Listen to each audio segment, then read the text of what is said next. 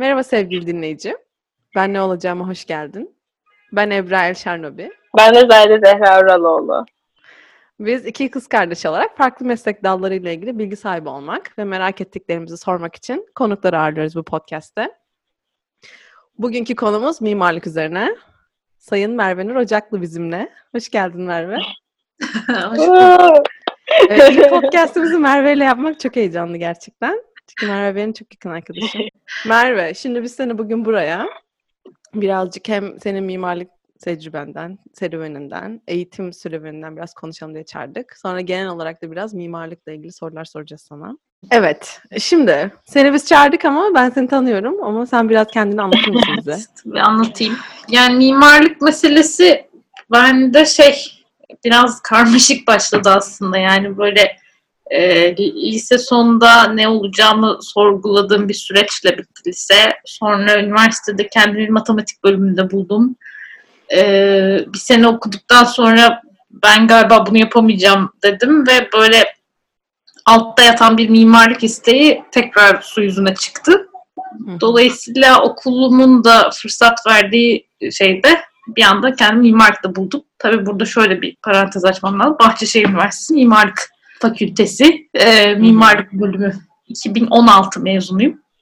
Evet, soracağız Ee, onları daha detaylı detaylı evet. zaten. 4 yıllıkta mimarım. Hala kendime mimar diyemesem de Sen mimarsın, aynı zamanda da aslında yüksek mimar adaysın. Yani şu an. yani evet olmaya çalışıyorum diyelim. Evet, yüksek mimar olacak az kaldı. Bu, yıl- bu yılın sonunda sana tekrar yüksek mimar olarak çağırabiliriz bu podcast. Evet hadi bakalım. Bakalım hayatımda neler değişecek. Peki şimdi biraz daha böyle e, açmak gerekirse bunu. Şu an ne yapıyorsun? Yani neyle uğraşıyorsun?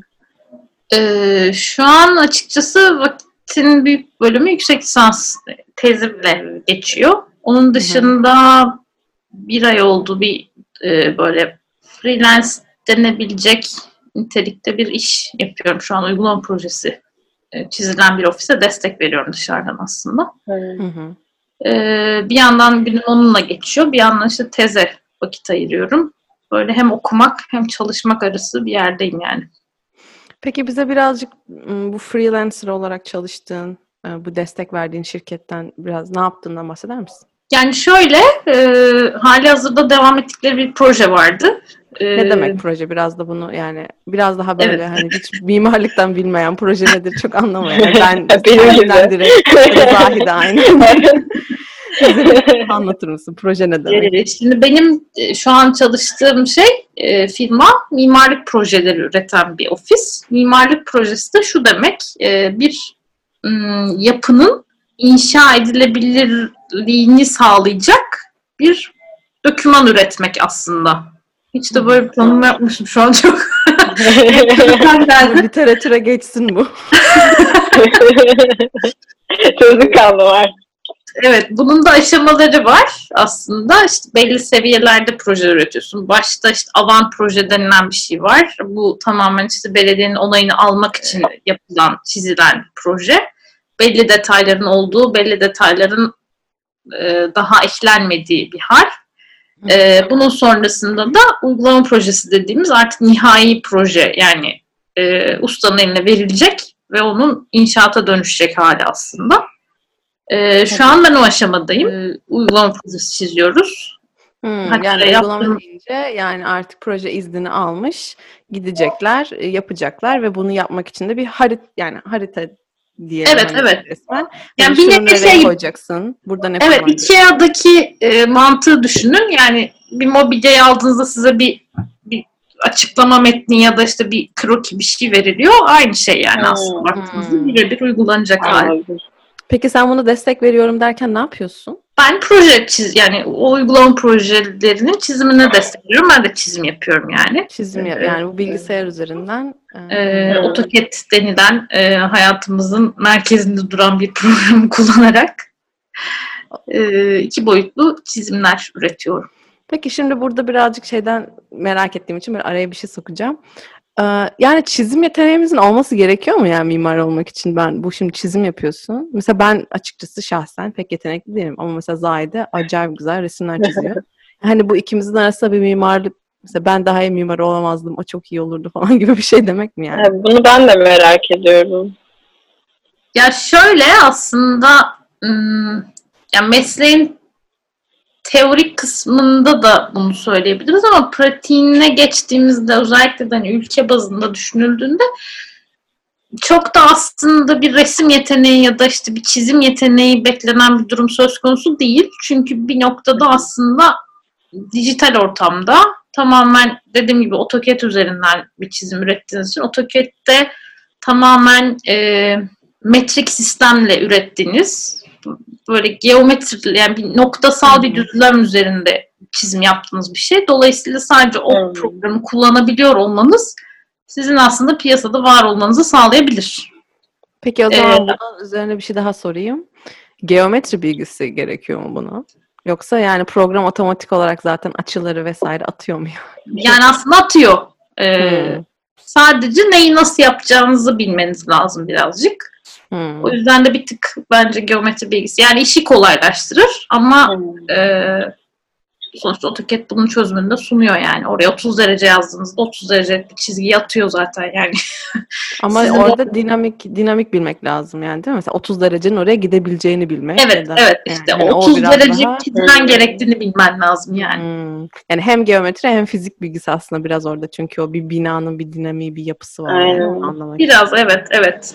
Hmm. Yani çünkü her ne kadar e, bir de şöyle bir şey piyasadaki sistem aslında işte ofislerde baktığınızda ofisin sahibi değilseniz çalışanıysanız o ekibin parçasıysanız yüzde 90 e, o işin aslında e, tasarım kararlarının alındıktan sonraki e, aşamasında projeye dahil oluyorsunuz. Dolayısıyla bir nevi bir teknik çizer gibi bir şeysiniz yani Hmm. o noktada. Ama tabii o süreçte de işin uygulama kısmı olduğu için e, o projenin uygulanabilir halde çizilmesi size kalıyor aslında yani o uyarıyı yapmak size kalıyor. İşte bu bunu taşımaz ya da bu burada böyle olmaz diyebilmek de sizde bitiyor aslında.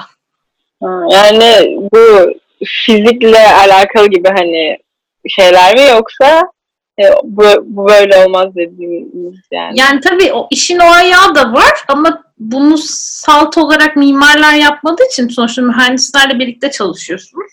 Hı hı. Ee, bir binanın ayakta durabilmesini sağlayan kişi sadece siz değilsiniz yani. İşin içinde mühendis ayağı, inşaat mühendisleri de işin içinde. Dolayısıyla onlarla müşterek bir şekilde bir üretim oluyor. Ama e, tabii bunu kontrollü yapmak gerekiyor. Her inşaat mühendisi nitelikli proje çıkarmayabiliyor. Gelişi güzel Evet. projeler çıkarabiliyor. Dolayısıyla uygulanabilirliğini sizin de sorgulamanız lazım yani. Eğitim sürecinde bu biraz şey, hmm, daha çok tasarım odaklı bir eğitim oluyor birçok okulda. Tabii teknik üniversiteleri biraz ayrı tutuyorum. Ee, o yüzden de çok böyle bu işin işte olabilirliğini vesairesini çok düşünmüyorsunuz okurken en azından. Hı. Bazı hocalar buna hassasiyet gösterebiliyor ama çoğunlukla o göz ardı ediliyor. Ya bunu yaparız bir şekilde geliyor iş. Ama tabii gerçek hayatta o iş öyle olmuyor. O yüzden okurken de biraz bilincinde olmak iyi. Peki peki bir de e, yani bu bir ayağı senin yaptıklarının. E, bir ayağı da sen şimdi e, yüksek lisans yapıyorsun. O yüzden yüksek mimar adayı dedim sana da. Ve aslında çok ilginç bir konuyla ilgileniyorsun. Bilmiyorum hala aynı konuyla mı ilgileniyorsun ama. Pandemi ve mekan üzerine e, düşünüyordun en son biz konuştuğumuzda. Ne alaka yani pandemiyle mimar? Ya şöyle, şimdi mimarlık tabii ki pratikte şey gibi görünüyor birçok insan için işte iki çizgi atıyor, işte inşaat yapıyor falan filan ama aslında mimarlık e, mekanını da kurgulayan meslek dalı. Yani e, bir anlamda bir hocamızın lafı vardı. Aslında sen bir noktada insanı yönetiyorsun demişti. Çünkü mekan insanın hayatını kurguluyor aslında. O mekanın kalitesi, o mekanın ışığı, o mekanın işte yüksekliği, ferahlığı vesaire bir- bir- birçok niteliği aslında insana değiyor yani ve bunun hem psikolojik hem sosyolojik ayakları var. Hem de daha fazla işte politik ayağı var, ekonomik ayağı var falan. Ee, şimdi benim yaptığım yüksek lisansta yani programımın kapsamı dolayısıyla biraz daha mimarlık ve sosyoloji ara kesitinde bir program. Yani hem böyle daha çok sosyolojiye değen ama bir yandan da o mimarlık tabanında giden bir program. E, dolayısıyla kadrosu da öyle bir e, ekipten oluşuyor yani hocaları vesaire. Benim de birazcık e, o anlamda eğilim o, o yöne kaydı gibi oldu. Bir yandan tabii merak ettim de mevzuydu ama e, girmeden önce açıkçası çok da düşündüğüm bir şey değildi yani. Hı hı. Ee, şimdi de buraya gelme sebebim, yani bu konuya gelme sebebim e, aslında pandemi sürecinde kendi deneyimimden de yola çıkarak geldiğim bir nokta aslında. Ben pandemiyi işte üç buçuk ay ya da dört ay gibi bir süre evde kaldık. Ee, o süreyi yalnız geçirdim. Bir yandan da benim için konforluydu. Çünkü tamamen mekan bana aitti. Ee, bütün her şeyi kendime göre organize edebiliyordum. Ama bir yandan bunu yaparken e, başka insanların na- nasıl deneyimleri olduklarını merak ettim aslında. Yani işte çocukları olan aileler var, çok daha kötü koşullardaki dairelerde yaşayan insanlar var. Yani asgari koşulları sağlamayan e, evlerde yaşayan insanlar var. Dolayısıyla onların deneyimleri çok merak uyandırdı bende. Yani hani bunun psikolojik sonuçları ne olacak? Yani ekonomik anlamda zaten hani isteseler de bunu değiştiremiyorlar. Ee, bir de bu salgın süreçlerinin hiç bitmeyeceği konuşuluyor falan. Dolayısıyla bu nasıl evrilecek acaba diye bir soruyla çıktım aslında. Ee, şimdi de işte okumaları birazcık hani o şey ayağını çekmeye çalışıyorum. Yani o evin kamusallığı nasıl değişti? Ee, özel mekan olmaktan çıktı mı acaba yoksa hep mi kamusaldı gibi böyle oradaki sorudayım. Böyle devam ediyor. Çok ilginç yani. Bilmiyorum benim çok yani bakış açımı çok değiştirdi. Ben hiç mimarlık, mimarlık benim için öyle teknik yani hani dediğin gibi hani bir şey çiziyorsun, Evet. Ben de şu an çok aydınlandım. Öyle düşünüyorum hep. Ve hani böyle bir yanı aslında yani bence böyle bir yanının olduğunu düşünerek tasarımlara bakmak da çok farklı. Yani hani o teknik kısma da bir ruh Hmm. yüklüyorsun. Çünkü o zaman ne demek bu? İşte ekonomik şeyleri anlamış, alma- anlamış olman gerekiyor. İşte psikolojik sonuçlarını anlamış olman gerekiyor. İşte politik belki etkilerini anlamış olman gerekiyor bir yapının. Mesela bakıyoruz şimdi değil mi camiler Türkiye'de ya da ne bileyim işte farklı e, yapılar. Ne kadar aslında politik de bir yapıya denk geliyor. Yani değil mi? Mesela Çamlıca Camii ne kadar olay oldu yani her yerde. Ya da Taksim'deki mesela düzenlemeler evet. şimdi düşünüyorum.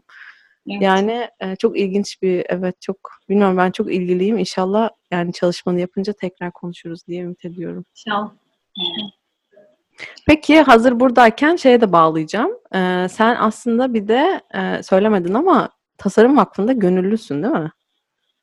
Ee, evet. Türkiye Tasarım Vakfı. Öyleydin yani en son bilmiyorum şimdi. Yani evet hala bir gönüllülük durumu söz konusu çok aktif olarak yer alamasam da işlerine. Bir de tabii e, oranın iş yapma biçimleri de daha farklı bir hal aldı. E, çok gönüllülük ayağı çok da aslında yoğun, yoğun giden bir durumda değil.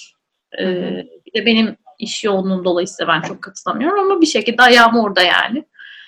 E, o da farklı bir deneyim oldu. Aslında benim lisans dönemindeki pişmanlıklarımın bir şey ürünü olarak ortaya çıktı o Türkiye Tasarım Vakfı. Çünkü ben e, üniversite bitirdikten sonra aslında o lisans sürecini e, kendimce olması gerekenden daha asosyal geçirdim diyebilirim. Yani çok katılımcı olmadım.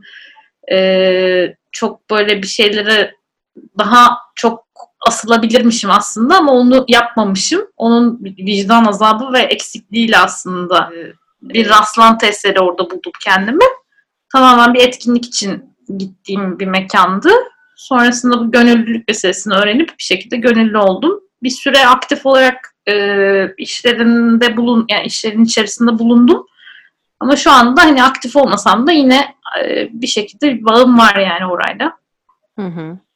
O da aslında birazcık şey e, maksatlı gittiğim bir yerdi. Yani hem bana bir çevre olsun e, hem farklı e, insanlarla tanışayım. Çünkü her yeni bir kişi e, farklı bir şey bilgiyle geliyor size.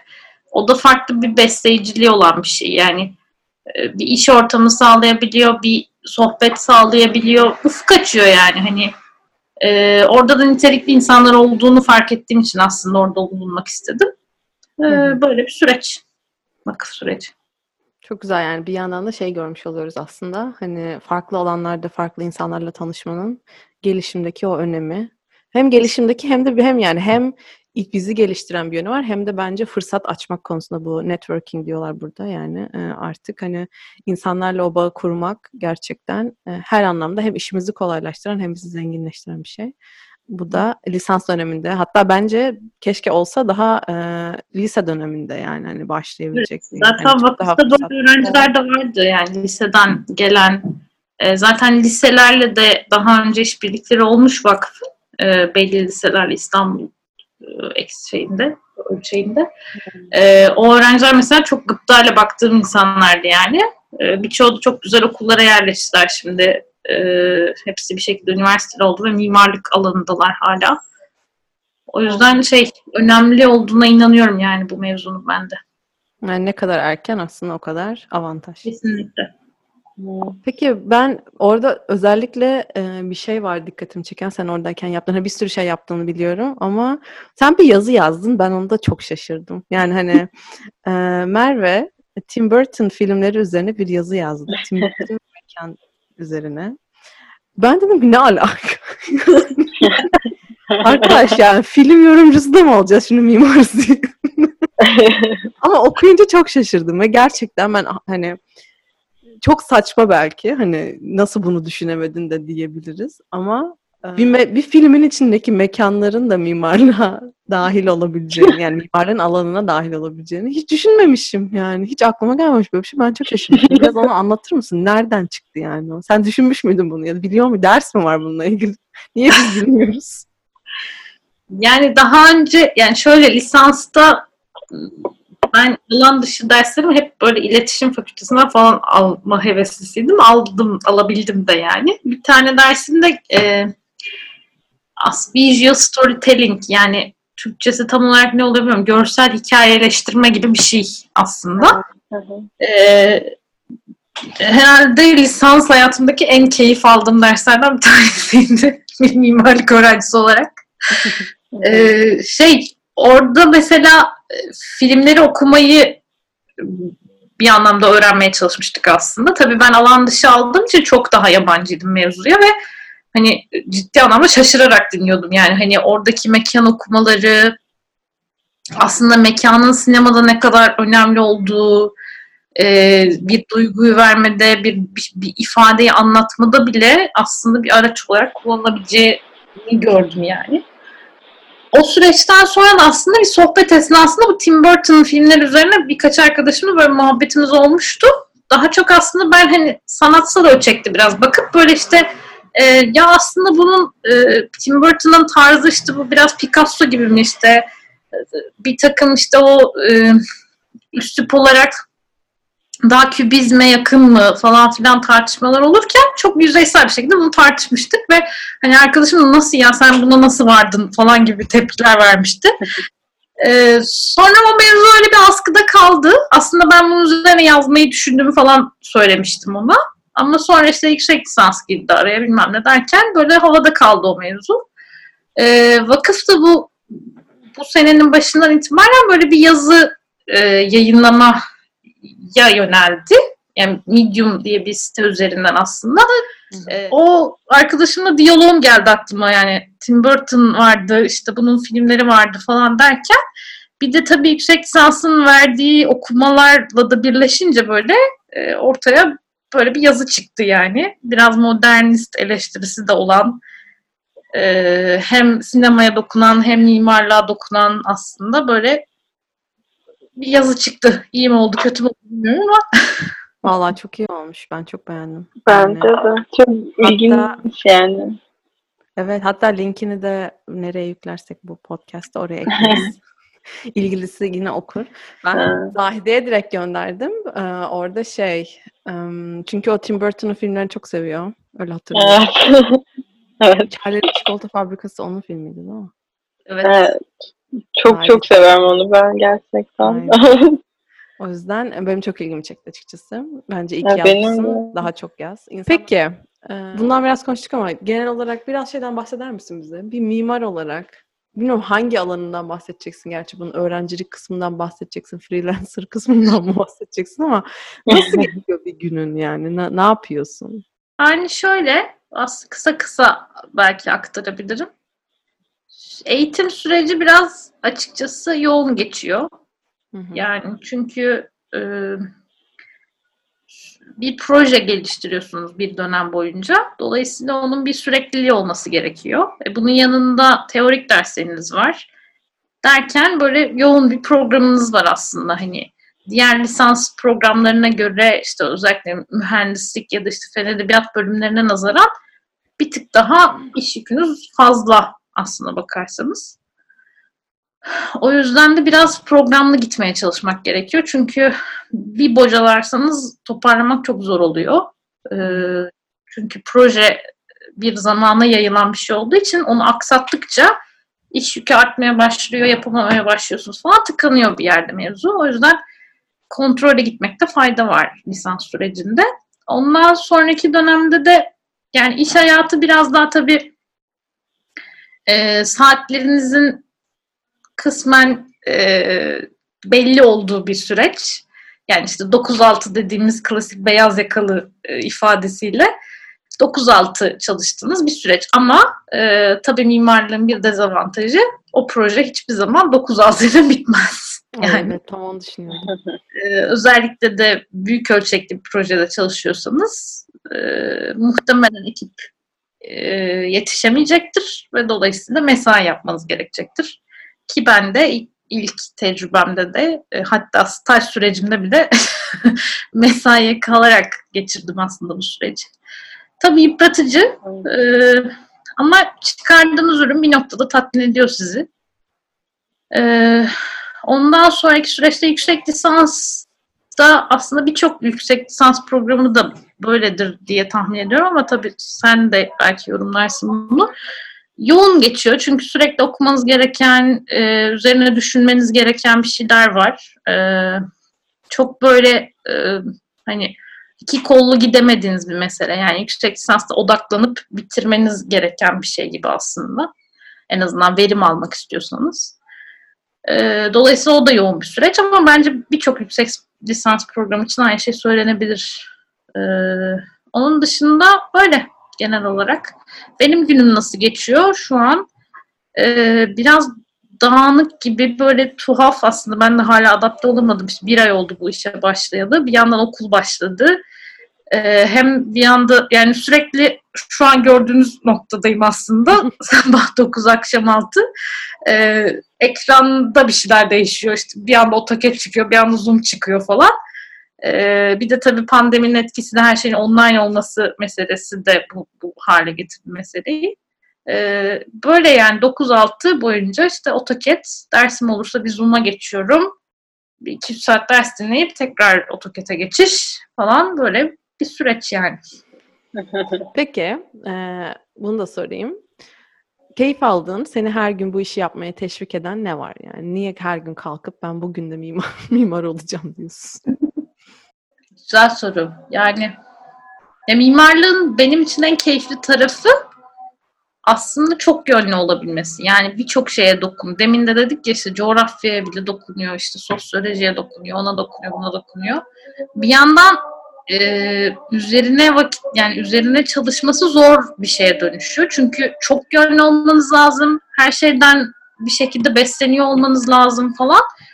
Bir yandan çok yorucu ama bir yandan da böyle keyifli yani hani işin şeyine esprisine de vuracak olsak hani ortamlarda falan da iyi oluyor böyle. Politik mevzu oluyor mimarla sokuyorsun işte sosyolojik bir şey oluyor mimarla sokuyorsun falan. O anlamda keyifli. Bir yandan da delilik yani çünkü e, normal hani normal demek de doğru değil belki ama diğer mesleklere göre daha çok vakit harcadığınız bir meslek dalı. Ee, ve bir noktada artık kafayı yeme raddesine geliyorsun. Yani lisans sürecinde de böyle.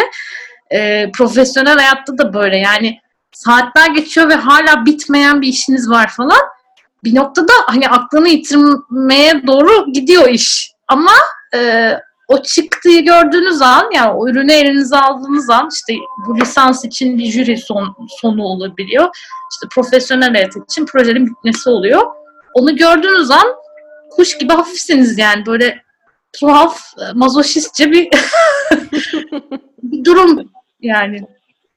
Yani ben buradan şunu anlıyorum. Ee, o sonuçta ne çıkacaksa onu sevince katlanılıyor yani gerisine ve aslında belki de birazcık o mazoşiste dediğin hani o eziyet veriyor ama sonunda çok güzel bir şey çıkacağını Evet. bildiğin için o aslında daha da bir keyifli hale gelebiliyor. Özellikle profesyonel hayatta e, iş seçerken gerçekten sizi tatmin edecek işi seçmek çok kıymetli. Çünkü bir Hmm. noktadan sonra eğer o çıktı sizi mutlu etmiyorsa o bir eziyet yani başka bir şey değil. Peki bu eziyet kısmını düşününce e, yani tamam iş seni tatmin ediyor diyelim ki bu yaptığın şeyden heves alıyorsun ya da böyle çok heveslisin onda çok böyle seni o, o ürün ortada olmasa da hani çıkacağını bilmek iyi hissettiriyor. Ama her şeyde o kadar heyecanlanamıyoruz yani bu hayatta. Yani mesela bir proje seni çok heyecanlandırıyor. Diğer proje yani hani bitse de gitse artık şu proje bir çıksa elimden diyebiliyorsundur diye düşünüyorum. Yani hani şimdi kendimden biraz hesaba katarak. Yani bu süreçte mesela özellikle seni daha çok zorlayan yani böyle hani ayağını böyle geri geri ittiren ne oluyor? Tabii çalışma süreci daha çok ayağını iten şey oluyor. Yani e, onun bit, uzun sürecek olduğunu bilmek. Çünkü bir şeyi deneyimledikten sonra artık onun ne kadar sürebileceğini az çok kestiriyorsun. Hani işin başında biraz daha heyecanlı oluyorsun yani. En azından ben öyleydim yani profesyonel hayata ilk başladığımda inanılmaz bir heves, inanılmaz bir coşku falan hani iş yapacağız falan modu. Ama bir 6 ay sonra zaten o işin bir yere gitmeyeceğini anlamaya başlıyorsun ya da Hmm. çıkacak ürünü az çok tahmin etmeye başlıyorsun falan. Dolayısıyla böyle bir, bir yılgınlık geliyor insanın üstüne. Yani "Üf, yine geldik falan modunda. İşte sabah 9 yine işteyiz kahretsin falan. İşte cuma gelsin artık falan gibi bir süreç oluyor. Ama tabii bu işin yani gerçekçi bakacak olursak bir de maddi boyutu var. Yani sonuçta bu işten para kazanıyorsun. Hı hı. Yani bu bunu bir işverene de sorsam bu böyle, çalışana da sorsam bu böyle. Birçok mimar da aslında taviz verdiği işler yapıyor. Ama ne yazık ki o çarkı döndürmek zorunda yani. Bu işin bir ekonomik boyutu var. O yüzden de göz yumuyorsun aslında yani. Ee, Birazcık para için. Peki. Çok güzel anlattın. Sen ne yapıyorsun, ne gidiyor, nasıl hayatın. Biraz seni böyle nostaljik olarak geriye geriye Evet. Değil mi Zayde? Evet, düşün birazcık okul dönemlerini. Aynen. Lise sona lise sona gidelim Merve. Benle gitmek ister misin oraya Birlikte bilmiyorum. gidelim. Aynen gidelim. Biz Merve ile aynı liseden mezunuz. Yani son sınıfta denk geldik. Ve e, çok nasıl olduğunu hala tam anlayamadığımız bir beraber kalma sürecimiz var. O yüzden Merve'nin lise sonunu, o da benim lise son dönemimi ve nasıl karar veremediğimizi, iyi biliyor. Ee, Şimdi tabii senin birazcık daha karışık yani e, meslek seçme sürecin. Önce matematikle başladığın için sonra mimarlığa geçtiğin için ama hani mimarlıkta böyle gönlünde yatan bir şeydi. Yani hani öyle de hani sen de öyle anlatıyorsun.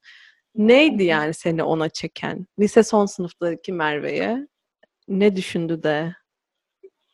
Yani bence matematiği de nasıl seçtiğini de anlatabilirsin. Çünkü Evet. o da bence önemli bir şey çünkü hani herkes direkt birkaç sebebi var. Hani bir insanlar önce ne yapmak istediklerine çok karar veremiyorlar. Yani lise son öyle hiçbir şey bilmedin yani hani nasıl bu işte çıkınca ne yapacağını bilmediğin, o meslekte çalıştığı, kimseyi tanımadığın bir şey. Öyle hani ne olacağını hayal ederek bir şey seçiyorsun ve bazen tutuyor, bazen tutmuyor yani gerçekten. O yüzden bence matematiği nasıl seçtiğin, ne düşünüp seçtiğin ve sonra ne bulamadığın da biraz hani orada bence çok önemli bir şey diye düşünüyorum. O yüzden lise sonda e, o tercih rehberiyle yaşadığın yaşadığın mücadeleyi biraz, bize biraz anlatır mısın? Hala aslında neden bu seçimleri yaptığımın çok cevabını veremiyorum. Ee, dediğin gibi o süreç çok çok havada bir süreç. Yani neyin ne olduğunu bilmediğimiz hani e, bize işte, e, işte televizyonda ya da orada burada gördüğümüz idealize edilmiş karakterler aslında hani bir mesleğe dair fikrimiz. Ee, matematiğe gelince biraz şey yani zaten kararsızlığımın ortasında böyle ben bayağı tercihime işte zaten bir İstanbul takıntım vardı. E, dolayısıyla böyle şey e, sadece İstanbul'a bakıyordum yani. Hani İstanbul'da ne tutacak şeklinde. E, sonra mimarlık istediğime kanaat getirdim bir şekilde. Yani sürekli aklımda olan bir şeydi ama sorsam mimarlıkla ilgili ne biliyordun? Aslında çok da bir şey bilmiyordum. Ee, sadece hani bilmiyorum yapılara duyduğum bir merak mıydı yoksa e, tamamen estetik bir kaygı mıydı? Hala cevabını veremediğim bir şey. Ee, ama mimarlığa bir şekilde karar vermiştim o süreçte. Bayağı şey yani o, olursa olur olmazsa işte seneye bir daha denerim falan kafasıyla bir tercih yapmak niyetindeydim. Son akşam böyle e, ailemle bir sohbet esnasında ya işte öğretmen mi olsam? falan. Hani rahat meslek işte tatili belli şeyi belli falan klasik e, bir şeyle öneriyle iyi hadi yazayım bir tane falan gibi böyle o da matematik yani neden matematik yani öğretmenlik bile yazmadım. Matematik bölümü yazdım yani Fen Edebiyat Fakültesinde. Ee, ve o geldi bir şekilde. Ee, çok çok karambol bir tercih dönemiydi yani. Hani hala dediğim gibi çok da anlamlandıramıyorum. Kesinlikle böyle tercihler yapmayın. Buradan Ama yani aslında kesinlikle böyle tercihler yapmayın derken de bence şu çok önemli. Hani her tercih yapan ya da her bir bölümü seçen insan çocukluğumun hayaliydi. Yani hep bunu istiyordum ve işte oldu bak. Oh çok da başarılı oldum. Hani böyle değil herkesin hayatı. Hani böyle hayatlar da var. Hani herkes de yalan söylüyor da demiyorum ama hani benim de hayatım öyle değildi ve bence birazcık insanların üzerinde özellikle işte bu lise döneminde şey baskısı var. Ya ben hala ne olacağımı bilmiyorum. Mesela Zahide'yle biz bunu konuşuyoruz ara ara değil mi? Yani hani herkes Evet. diyor ki işte ben şunu olmak istiyordum işte çalıştım oldum falan. E Ben şimdi ne olmak istediğimi bilmiyorum o zaman ne için çalışıyorum? Yani e, yani her, çoğu insan bilmiyor yani gerçekten hani çoğu demeyeyim ama en azından bizim gibi insanlar var diyeyim yani. Ve hani e, bir yandan da hani tercih yaparken her zaman hayallerimin mesleği şuydu ve onun için tercih yapıyorum. Olmuyor yani her zaman. E, tabii muhakkak. Yani bir de işte tabii bu biraz rastlantı mı şans mı demek lazım bilmiyorum. Bazıları hakikaten dediği gibi evet ben bunu olmak istiyordum ve bu oldum diyen insanlar nadir de olsa görüyoruz. Ee, bir yandan da tabii işte eğitim sürecimiz, e, ne bileyim aile yapımız vesaire vesaire bir sürü etken var aslında bu, bu sürecin şekillenmemesinde yani. Ne olacağını bilmiyorum. Çünkü şimdi bir de işte Zahide'ye de soralım ya da diğer yaşıtlarına soralım. Kaçı aslında bir mesleğe dair bir fikir sahibidir? Yani baktığında işte tamam bir doktoru biliyoruz. İşte hani az çok ne yaptığını biliyoruz ki onda bile bence eksikler var. Yani çok ne, idealize edilmiş bir, bir tablo var yani.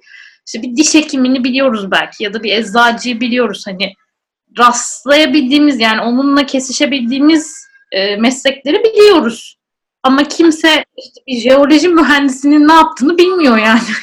Hı hı hı hı. Dolayısıyla Evet. biraz hem rastlantı hem biraz şans yani ya da bilmiyorum bu eğitim yapısıyla ilgili yani birilerinin bize oturup anlatması gerekiyordu ama yapmadılar. Biz de işte şansa kadere bir, bir yerde bulduk kendimizi gibi bir süreç var. Hı hı. O yüzden bence bu programda o anlamda iyi olacaktır diye düşünüyorum. Evet yani çünkü ben gerçekten etrafımdaki insanlara da hani bakıyorum birazcık. Hani herkesin bir şey var. Aa ben şu mu olsam diyorsun ama hani gerçekten çok fazla sadece bir konsept olarak herkesin kafasında var. Gerçekten neyle uğraştığını bilen çok fazla kişi olduğunu düşünmüyorum. Ben ben de açıkçası pek bilmiyorum. Hani o yüzden düşünüyorum mesela daha önce düşündüm mimar olsam mı bir şey yaptım ne yapacağım ki diye düşünüyorum. Çünkü ne yaptığını gerçekten bilmiyorum. O yüzden hani bence de böyle konuşmamız iyi oluyor. Çünkü gerçekten böyle çok fazla insan var. Sadece konsept olarak bir şeyi beğenen ya da beğenmeyen. Evet yani ben de mimarlığı seçmiş biri ol. Yani ben bir de üniversitede bölüm değiştirdim yani matematiğe giriş yaptım. Hı hı. Sonra e, ya matematikte olamayacağıma bir şekilde kanaat getirdim. Çünkü o başka bir şey. Yani hmm, yani sonuçta o, o bizim lise sürecine kadar gördüğümüz matematikten aslında başka bir matematik görmeye başlıyorsunuz yani lisansta. Benim hiç karşılaşmadığım bir matematik haliydi o. Yani hani hiç sayıların olmadığı işte x'ler nelerle dolu bir dünya yani ve oranın böyle bir, bir, bir düz bir akışı var yani ve ben o akışta kendimi bulamadım bir şekilde. Yani mesela şey soyut matematik diye bir ders vardı. Yani hani matematik daha nasıl soyut olabilir ki? yani, e, böyle hani anlamlandıramadığım bir, bir içerik söz konusuydu. Dolayısıyla ben buradan yürüyemem dedim yani. Hani kendim ikna olamıyorum ki başkasına aktaracağım bir de bunu. Sonuçta bu bir bilim aslında. Hı-hı. Matematik bilimi üzerine bir eğitim alıyorsun ve bu bir aktarım süreci yani. Bir şey akademik de olsa bir şekilde. Dolayısıyla dedim ben burada olamam yani. Sonra e, üniversitenin imkanıydı aslında ben bir yatay geçiş yaptım. E, ben Bahçeşehir özel bir üniversite. Ben bursluydum. E, ve bursluluğunda tabii bir şeyi var, bir gerginliği var yani. Bursunu kaybetme olasılığı. Yani Bahçeşehir'in böyle bir süreci yoktu. ÖSYM bursuna girdiğinde aslında 7 yıl o bursu kesmiyor. Yani böyle bir süreç vardı. Ama yatay geçişte benden önceki dönemlerde o bursu kesiyormuş. Hmm. Ee, benim şansım o sene böyle bir şeyi kaldırmış ve bursun devam edeceğini duyurdu. Ben de rastlantısal olarak bu haberi gördüm. İşte başvursam mı, başvurmasam mı, neye başvursam falan gibi bir süreç oldu orada. Bir yandan mimarlığı merak ediyordum ama okuyan arkadaşlarım vardı hazırlıktan tanıştım. Böyle ölüyorlar, bitiyorlar, kimisi ağlıyor, sakın gelme falan diyor. Kimi diyor çok keyifli gel falan. Çok karman çorman bir ortam var yani. Orada ne krizler dönüyor mimarlıkta zaten. Yani o birinci sınıf buhranı diye bir şey var bence mimarlıkta. Çünkü hiç görmediğin bir üslupla ve şeyle karşılaşıyorsun. Yani ben girdikten sonra tabii anladım onların o buhranını ama sana şey doğrularını ya da işte kabullerini yıkmanı istiyor senden. Yani tabii bu böyle çok büyük bir cümle oldu. Yani şey işte sorgula diyor her şeyi. Yani işte o çizgi illa düz olmak zorunda değil ya da işte o bina böyle gitmek zorunda değil falan. Yani senin böyle beynine işlemiş bir takım şeyleri aslında nötrlemeye çalışıyor. Onu diyor bir, bir, bir sıfırla sonra tekrar inşa edelim diyor ve sen yani ben en azından çok bocalamıştım yani. Çünkü çok soyut bir mimarlık süreci geçiriyorsun birinci sınıfta. Basic design denilen bir e, başlangıç bir tasarım eğitimi var. Orada Hı. tamamen daha soyut yani e, soyut şeyleri somut hale getirmeyi öğreniyorsun aslında aslında. O yüzden de çok benim için çok bocaladığım bir süreçti. Yani hiç çünkü böyle bir şey kafa yormadım. Hiç bunu aktarmaya dair bir fikrim yok. O yüzden çok böyle şey zorlayıcı geçmişti yani. Hani ben sürekli ağlayarak böyle çıkıyordum dersen. Galiba ben bu işi yapamayacağım falan modunda. ya. O bir, bir şekilde sen fark etmeden törpüleniyorsun o süreç içerisinde. Ee, hazır buradayken biraz bahsettin gerçi işte mesela işte temel tasarım dersi gibi. Başka ne gibi dersler alıyorsun mimarlık bölümünde? Yani her dönem bir proje dersi var bu fix. Hı hı. 8 proje dönem. dersi dediğinden biraz azıcık bahseder misin? Evet doğru. yani mimari tasarım dersi diye geçiyor aslında başlık olarak. O da şöyle her dönem aslında belli bir başlık üzerinden bir üretim yapıyorsun. Bir proje, bir fikir üzerine yoğunlaşıp o fikri dediğim gibi yine soyut bir şeyi somut bir şeye dönüştürüyorsun aslında. Yani bir, bir yapıya dönüştürüyorsun. O yapının da bir e, bir projesi oluyor. Yani onu okunabilecek hale getirdiğin bir şey aslında proje. E, onun dışında her dönem tabii başka dersler oluyor. Yani şöyle tarih dersleri alıyorsun bir kere. E, hmm, tarih. Özellikle mimarlık tarihi üzerine. Hmm. E, işte milattan başlayıp hatta milattan öncesine kadar gidip e, günümüze kadar geldiğim bir süreç söz konusu. E, bunun üstüne işte daha çağdaş tasarımlar üzerine ders alabiliyorsun. Tabii bir sürü seç yani okula göre seçmeli dersler de değişiyor ama hı hı. bir de alman gereken zorunlu yapı dersleri var. Yapı derslerinde aslında demin dediğimiz işte yani tamam bu işin bir tasarım ayağı var. Ee, bunun bir anlamda estetik bir ayağı bu. Ama bunun bir de uygulanabilir olması lazım. Dolayısıyla uygulanabilirliğini yapı derslerini alarak öğreniyorsun. Yani o bina ayakta durur mu? O bina nasıl ayakta durur?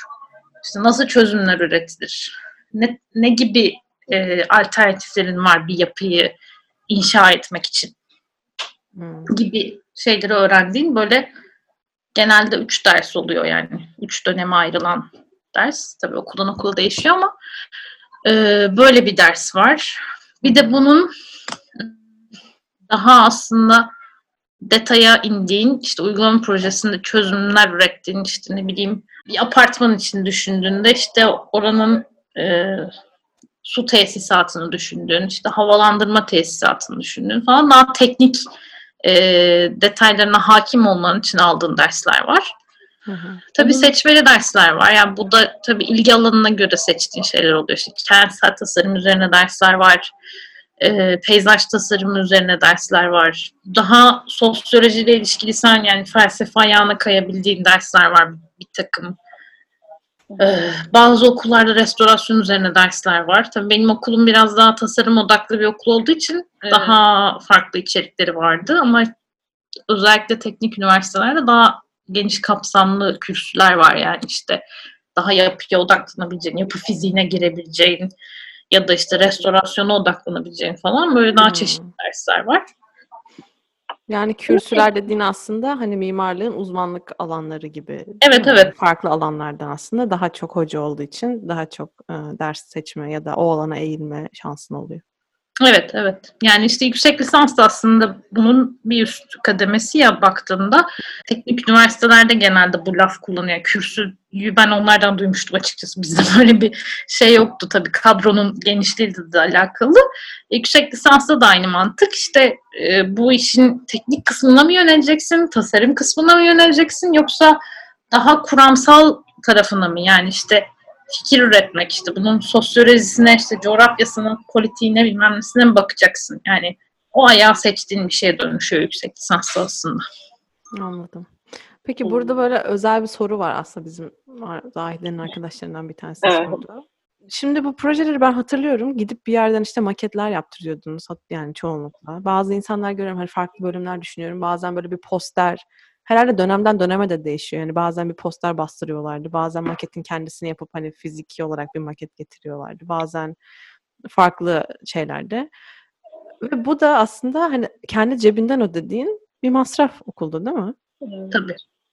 Yani bu ne kadar masraflı bir şey bu? Yani ne, neye mal oluyor? Yani hiç aslında bunu hesaplamadım ama e, Yani ortalama olarak düşününce mesela çünkü hani ders alıyorsun, derslerin kitapları var biliyoruz. Hı hı. Ee, mesela bazı devlet üniversitelerinde ya da bazı üniversitelerde çok masraflıysa kitaplar ya da ne bileyim çok kalınsa falan mesela fotokopicilerde bulabiliyorsun bazen kitapları ya da işte notları bulabiliyorsun vesaire. Ee, ama her zaman öyle olmuyor. Yani mesela özellikle İngilizce eğitim veren okullarda bir. Bir de işte mimarlık gibi e, materyale dayalı bölümlerde.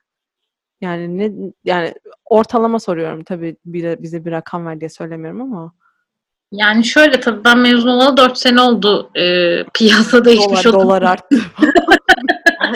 Önemli malum, malum. E, ama şey yani şöyle bizde şöyle bir durum var ya hocalar da mimar olduğu için bu konuda biraz şey anlayışlı ve hassas davranabiliyorlardı yani. Proje dersi genelde şöyle işler. Haftada iki gün en az dört saatlik dersleriniz olur. Yani neredeyse bütün gününüzü alan bir ders ve haftada iki gün oluyor bu. Her iki günde bir kritik almanız gerekiyor. Yani ürettiğiniz işi ya da e, üreteceğiniz işte yaptığınız her katkı için bir kritik almanız, bir eleştiri almanız, bir dönüt almanız lazım ki o proje ilerleyebilsin.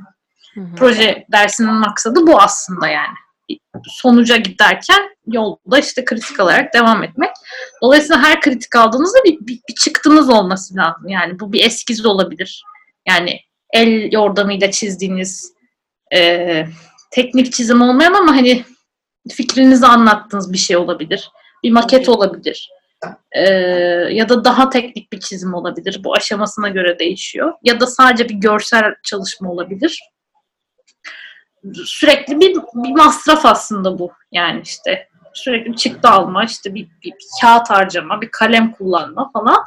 Ama tabii en büyük masraf şey e, ara jüriler ve final jürisi özellikle. Çünkü onlara hem maketiniz olması lazım hem işte çizimleriniz olması lazım. Bu büyük ihtimalle bir poster oluyor. Çünkü orada bütüncül bir şey anlatıyorsunuz. Geldiğiniz sürecin tamamını.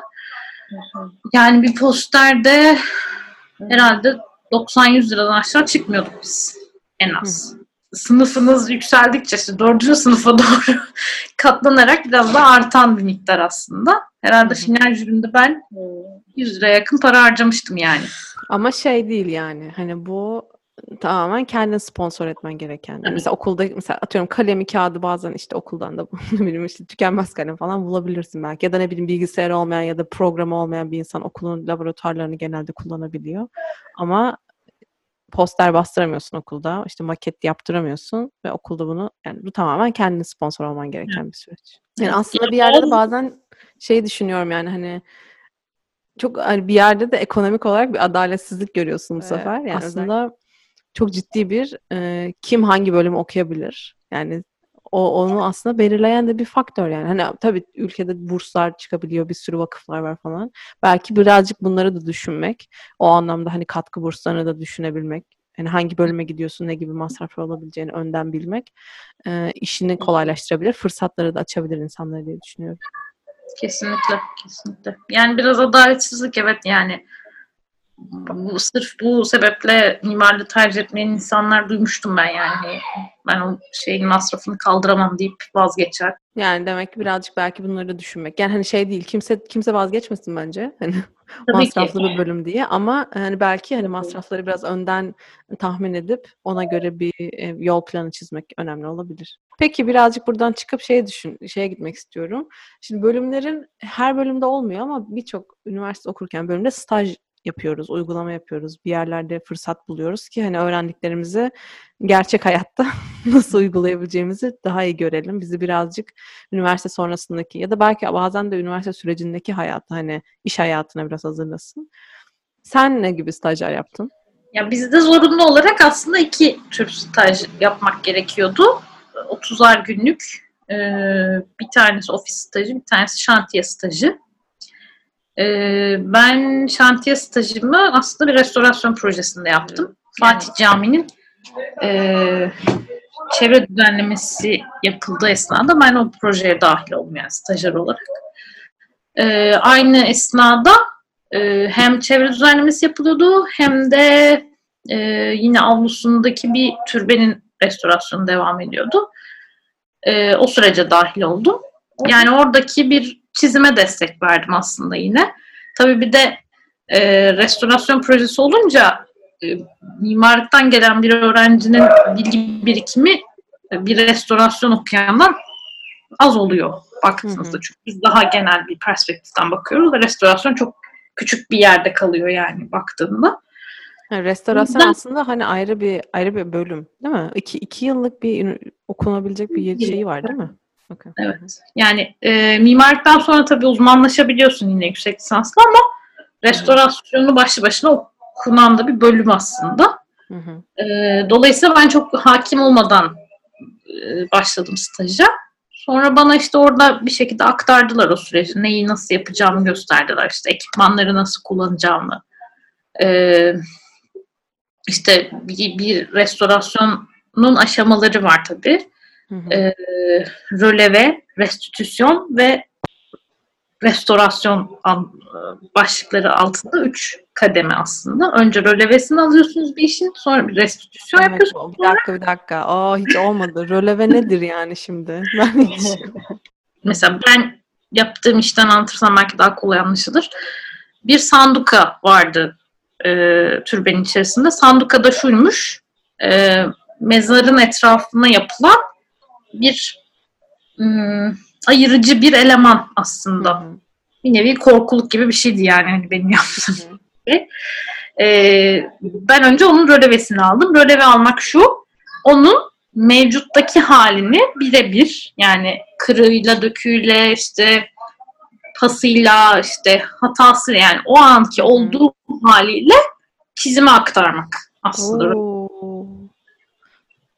Tabii bu korkunç bir işmiş yani ben girdikten sonra anladım.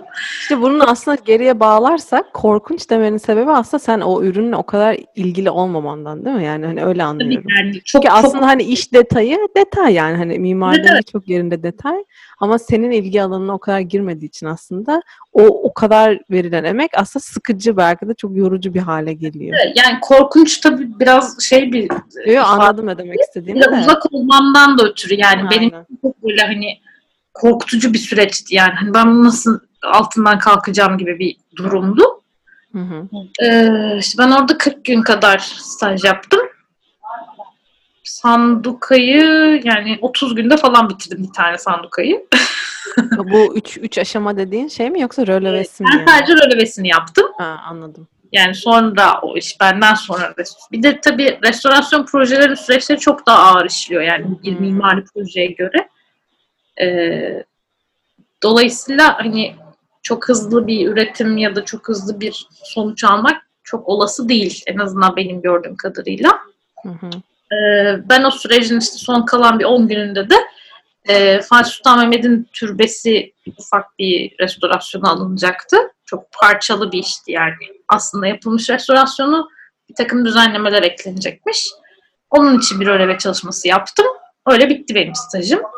Ee, Peki öyle. iki tane stajdan ikinci stajın nerede yaptın? Sonra ikinci stajımda bir ofis stajıydı. Ee, o da bir yeni bir ofisti. Benim başladığımda yani bir iki yıllık bir ofisti. Ee, ofis daha çok uygulama projesi de yapıyordu. Yani hali hazırda devam eden bir inşaatı olan projeleri de vardı. Ama bir yandan da yarışma projelerine katılıyorlardı. Ee, bir de mimarlığın böyle bir ayağı var. Ee, Birçok kurum, e, birçok firma bazen e, yarışma projeleri açıyor belli yapılacak inşaatlar için. Özellikle kamu kuruluşları da çok fazla açıyor bunu. İşte belediye inşaatları, e, bir takım işte kamu binaları üzerine falan. Birçok şehirde birçok yarışma açılıyor sene içerisinde. Hı hı. Bu ofiste e, yarışmalara çok katılan bir ofisti. Ben orada yaklaşık işte bir 2-3 ay kadar bir staj yaptım. Yani resmi kısımdan sonra da gitmeye devam ettim bir süre. Ee, orada da yanılmıyorsam 3-4 tane yarışma projesi teslim ettik. Ee, benim hayatımda ofiste sabahladığım ilk işti yani. Ee, bayağı şey şuurum gitmişti yani bir. o da değişik bir tecrübeydi. Bana çok şey kattı. Ee, çünkü işin teorik kısmı yani o lisans yani o eğitim kısmında kaldığınızda iş biraz daha başka bir boyutta ilerliyor. Yani işin gerçeğini çok kestiremiyorsunuz. Yani onun uygulanabilirliğini düşünmüyorsun. Doğru ifade etmek konusunda çok yeterli olamıyorsun bazen. Ama orada profesyonel bir ortamda işin nasıl yürüdüğünü görmeye başlıyorsun. E bir de bunun bir de yarışmaya alması benim için bir avantaj oldu. Çünkü o yarışma projeleri e, mimarlara aslında keyif veren de bir alan. Çünkü biraz daha o tasarım e, tarafını ortaya çıkarabildikleri, kendilerini daha özgür ifade edebildikleri bir alan. O yüzden bazı ofisler çok seviyor yarışmalara katılmayı. Çünkü kendilerini daha iyi ifade ettiklerini düşünüyorlar. Yani O an- benim şansım ofisteki insanlar hem çok gençti yani iletişimin rahat olduğu insanlardı Hı. ve öğretmeye çok açık insanlardı. Ee, buna işte AutoCAD öğretmek de dahil, işte e, diğer bir takım programları öğrenmek de dahil, işte mimari bir üslup oluşturmak da dahil falan filan. Evet çok güzel. Yani aslında şeyi anlıyorum burada. Ee, ne kadar staj e, imkanı kollarsan aslında o kadar çıkınca ne olacaksın onu görme imkanı da daha çok oluyor. Tabii hani staja da senin de götürdüğün bir şey olması lazım. O yüzden hani direkt hop hadi bismillah bugün başladık mimarlığa hadi ben bir staj yapayım gibi de değil. Hani kendin bir şey götürüp o götürdüğün tecrübeleri orada birazcık daha hani başka insanlarla geliştirmek, o fırsatları değerlendirmek gibi aslında görüyorum. Evet evet yani şimdi bir de staj çok kıymetli yani şöyle ben mezun olduktan sonra bunun daha çok ayırdığına vardım. Ee, yani şimdiki aklım olsa ben dönem içinde bile hani 2-3 günde olsa bir yere gidip bir şeyler kapmaya çalıştım açıkçası. Çünkü öğrenci olarak bir şeyleri talep etmek mezun olduktan sonrasına göre daha kolay. Çünkü Hmm. mezun olduğunuzda artık bir bir titriniz var yani. Siz mimarsınız yani. İster kabul et, ister etme. Bir şeyin var yani artık. Dolayısıyla sana öyle bir muamele e, yapıyorlar. Ama öğrenciyken hem hatan daha tolere edilebilir oluyor, hem bir yerlere girmen, dahil olman daha kolay oluyor. Çünkü öğrencisin yani hani senin de onlardan sadece beklentin bir şeyler öğrenmek, onların da senden beklentisi yaparsan bir katkı sağlaman. Yani onun dışında alışverişin yok baktığında. Yani hata payı çok daha büyük. Kesinlikle. Yani e, o yüzden şey tabii buna başvurmak için de biraz dolu olmak gerekiyor. Yani her başvuranı da almıyor birçok ofis. En azından nitelikli ofisler. Hı hı. E, hem kendini geliştirmek lazım hem de biraz onlara şey yapmak lazım yani. O da bir çevre sağlıyor çünkü. Peki tamam artık e, okudun, staj yaptın, mezun oldun. Ne oluyor sonra Merve? Yani ne oluyor sonra? Yani aslında e, biraz lisans döneminin meyvesini almaya başlıyorsun. Hı hı. Eğer iyi bir çevre edindiysen, sen, bir Evet. ortam elde ettiysen, işte bir iş alanı açtıysan kendine bir şekilde hayatın devam ediyor. Bunun örnekleri de var yani mimarlar arasında. Benim de gördüğüm insanlar. Kimisi işte e, bir ofis üzerinden devam, yaptığı staj üzerinden devam ediyor mesela. Öyle arkadaşlarım oldu işte staj yaptığı yere e, son sene de işte bir şekilde destek verdi. Sonra da gel çalış dediler ve oradan devam etti. Hı hı. Ee, kimisi kendi işini kurdu. Zaten işte babadan inşaatçı olan ailelerin çocukları olanlar vardı. Ee, dolayısıyla onlar da bir garantiyle devam ettiler hayatlarına. Ee, kimisi tamamen akademiye gönül verip ben işte hemen yüksek lisansa başvuracağım deyip yurt dışına giden oldu. Bu da bir tercih. Kimisi de benim gibi Haziran'da mezun oldu. İşte hadi 3 ayda bir tatil yapalım falan deyip Eylül'de böyle e biz ne yapacağız şimdi? Bir anda ortada kalıyorsun aslında bakarsan. Hı hı. Ee, bir de tabii bu işin şöyle bir aşaması var. Bir portfolyon olması lazım. Portfolyo ne demek? Ee, o güne kadar yaptığın işte bu bir e, öğrenci yarışması için proje üretmek olabilir.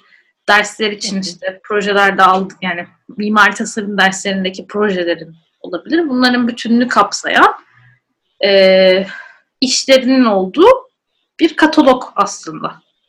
Bu olmadan e, ofislerin yüzde doksanı senin başvuruna bile bakmıyor aslında. Bir de tabii bunun yanında bir CV'nin olması lazım. O da aslında hani birçok insan için hani başka sektörlerdeki için de lazım olan bir şey ama tabii burada işte senin hem hobilerin giriyor devreye hem işte sosyal olarak yaptığın işte ne bileyim e, bir takım kuruluşlara mı dahil oldun, işte yarışmaya mı dahil oldun, işte etkinliklere mi gittin vesaire gibi böyle bunları koyduğun bir e, CV'nin olması lazım. Hı hı. Sonra bunları göndermeye başlıyorsun. Bunları elde ettikten sonra e, bir takım ofislere, işte ilan sitelerine girmeye başlıyorsun. Hayatın orada geçmeye başlıyor. Oradan bir dönüş gelirse o şekilde iş görüşmelerine gidiyorsun falan. Tabii benim sürecim böyle olmadı. Ben başvurdum ama hiç kimse bana dönmedi. Hı hı. Ee, bir 6 ay böyle gitti. Yıl sonuna doğru artık e, ne yapacağız biz falan modunda. Hı hı. İşte acaba yüksek lisansa mı başvursam gibi bir sürece girdim ben. Sonra çok da akademik gitmek istemiyordum açıkçası o zamanlar. Yani öyle bir şeyim yoktu hiç eğilimim. Hı hı. Dolayısıyla acaba testsiz yüksek lisans mı yapsam? Hani zaten akademik kaygım da yok. Tamamen hani yüksek mimar olur, hayatıma devam ederim falan gibi bir düşünceyle. Ee, İstanbul Teknik Üniversitesi'nin mimarlık testsiz yüksek lisans programına bir başvuru yaptım ben. Hı hı. Oradan da kabul aldım. Sonra zaten işim yok falan derken ben ona başladım. İşte e, ara dönemde başvurum Ocak'ta. Ona başladıktan sonra e, iki ay kadar falan gittim. O da tabii şöyle testsiz yüksek lisans ve mimarlık başlığında olduğu için aslında bir nevi lisansın devamı gibiydi. Tamamen Hmm. proje yaptın. Bir takım teorik dersler aldım falan. Bayağı bir anda kendimi tekrar lisansa devam ediyor gibi. Öğrencilik hayatına geri dönüş. bir dakika bu bitmemiş miydi falan oldu. Sonra e, tam o esnada yani benim o o bunalımla boğuştuğum bir sürede bir arkadaşım e, bir mimarlık ofisinde çalışıyordu. Ya birini arıyoruz acaba ister misin falan derken ben görüşmeye gittim. E, anlaştık ve ben bir anda işe başladım. Hı hı. Sonra tabii ki bu ikisi beraber gitmeyeceği için yüksek lisansı hadi bir rafa kaldıralım oldu. Ee, sonra bir buçuk senelik bir iş süreci oldu. İşin ucunda işte benim de yaşadığım gibi bir tanıdık usulü bir işe alım süreci var yani. Yani Çok- burada birazcık daha şey duyuyorum ben senden aslında nitelikten ziyade e, yani insanlar işe alırken mesela arkadaşının sana ulaştığı gibi hani birinin birine ulaşması şeklinde işe almak hani bir referans orada arada bir referansın olması o network dediğimiz o ilişkilerin aslında hani bu ta işte lisans döneminde keşke daha erken belki hani dönem içinde bir yerlere gitseydim dediğin aslında sürece bence biraz işaret ediyor. Ki bunu aslında konuşmadık ama sen aslında Çorum'dan İstanbul'a gittin. Yani farklı bir şehirden farklı bir şehire gidip hani bu şey de değil. Hani büyüdüğün, bildiğin bir şehirde bir çevre yani az çok öyle de belki mimarların içinde olmasa da başka bir yerde bir çevresi oluyor insanın. Ama şehir değiştirip hele de daha küçük şehirden daha büyük bir şehre gidince e, insan bir dakika baştan baştan o bütün ağını kurman gerekiyor yani. O iletişim ağı baştan böyle örmen yani kendi çabalarınla örmen gerekiyor. Çünkü bu sefer işte babanın iş arkadaşları yok yani. İşte annenin iş arkadaşları yok orada. Ya da ne bileyim liseden işte ortaokuldan arkadaşların yok ki sana daha çok alan açsın yani. Evet. o yüzden hani gerçekten birazcık da belki orada şeyde düşünmek lazım yani. Hani daha farklı bir şehir yani şehirler arası bir değişim yapıyorsan ve o şehirde kalmaya niyetliysen. Mesela sen Çorum'a dönseydin eminim hikaye birazcık daha farklı olurdu orada Bir yani. de işte mimarlık biraz daha şey bir alan. Yani işin daha böyle nasıl diyeyim daha sanatsal bir boyutu falan da var ya yani. Özellikle daha nitelikli ofisler için.